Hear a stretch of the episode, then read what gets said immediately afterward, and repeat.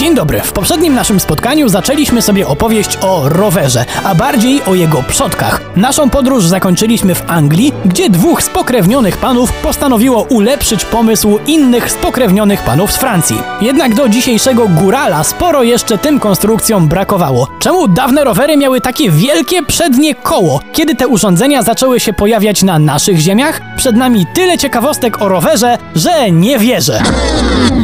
Boże, wyrzucą mnie kiedyś za te suchary. Ale póki co zapraszam na program w drewniakach przez świat. Człowiekiem, który dokonał kolejnej rewolucji konstrukcyjnej był pan James Starley, który pracował w warsztacie z Turnerami, o których mówiłem w poprzednim spotkaniu. Nie wiem, czy James odszedł za porozumieniem stron, czy panowie się pokłócili. W każdym razie już na swoim zaczął on modyfikować konstrukcję, którą nazwał Ariel. Najważniejszą zmianą w stosunku do poprzednich modeli było to, że Ariel zaprezentowany szerokiej publiczności w 1874 miał metalowe szprychy zamiast drewnianych, a co równie ważne, rozchodziły Robiły się one promieniście od środka piasty. Dobra, za dużo technicznych kwestii. Chodzi o to, że w Arielu po raz pierwszy ciężar roweru spoczywał na górnych szprychach, co sprawiało, że koła były nieporównywalnie bardziej wytrzymałe. Co nie znaczy, że James Starley wyeliminował wszystkie konstrukcyjne głupoty z ówczesnych rowerów.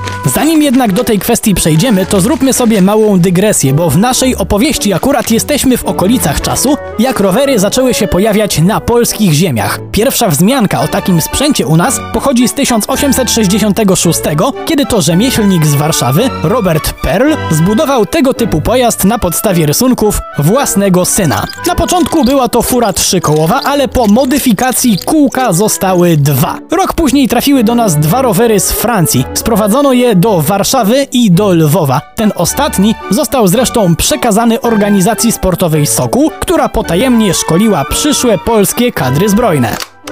Bo pamiętajmy, że to były czasy zaborów. Generalnie jednak moda na rowery chwyciła szybko, bo już w 1886 roku założono Towarzystwo Cyklistów, które regularnie organizowało na naszych terenach zawody. Okej, okay, wróćmy do wad konstrukcyjnych ówczesnych rowerów. Jak sobie popatrzymy na zdjęcia z tamtej epoki, to największy mankament widać od razu. To absurdalnie wielkie koło z przodu. Pokiego diabła było właśnie takie? Bo nadal to ono było napędzane przez jadącego, więc żeby jednym machnięciem nóg rozwinąć jak największą prędkość, robiono jak największe koła. Doszło w końcu do tego, że człowiek siedział na wysokości dwóch metrów, a przy takiej konstrukcji i sporej prędkości na jechanie nawet na niewielką przeszkodę mogło się skończyć tragedią. Absolutnie nie przesadzam, upadki z roweru czasem kończyły się śmiercią. Coś trzeba było z tym zrobić. Pomysłów było sporo. Niektórzy konstruktorzy instalowali w swoich maszynach samowyczepiającą się kierownicę, co w jakiś sposób miało niby zmniejszyć ryzyko obrażeń. Inni próbowali za pomocą specjalnych przekładni umieszczać pedały poniżej osi koła, ale jak zwykle najlepszy okazał się pomysł najprostszy, bowiem w 1869 roku pan nazwiskiem Trefes stwierdził, że po co tak kombinować z przednim kołem, jeśli można przenieść napęd na tył. Jak? Proste, za pomocą łańcucha.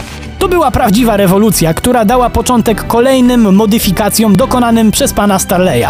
W roku 1879 powstało urządzenie jeżdżące nazwane od angielskiego słowa oznaczającego wędrowca rover. Napęd przekazywany był na koło z tyłu, a jadący siedział po środku, a nie z przodu. Kolejne udogodnienia dodane w kolejnych miesiącach to koła równej wielkości i amortyzowane siodełko. Ta konstrukcja była na tyle przełomowa, że spokojnie wygrywała w wyścigach z klasycznymi bicyklami, z tymi z jednym kołem dużym. Brakowało jeszcze jednego elementu opony, jaką znamy dziś, ale i to było kwestią czasu, bo w 1888 roku szkocki weterynarz John Dunlop zrobił swojemu synowi taką właśnie oponę do trójkołowca, sklejając arkusz gumy z kawałkiem płótna. Ten patent przyniósł mu zresztą później gigantyczne pieniądze i już nie musiał leczyć zwierząt. To oczywiście nie koniec historii rowerów. W 1962 roku zaprezentowano pierwszy składak. W 1979 zadebiutował rower górski, a moda na rowery trwa nadal i mam wrażenie, że ostatnio moda na te jednoślady przeżywa renesans. Ale czy powinno nas to dziwić? W miastach przecież coraz ciężej poruszać się samochodem, co nie znaczy, że nie mają one ciekawej historii, ale o samochodach może już innym razem. Przy mikrofonie był Wojtek Drewniak. Do usłyszenia.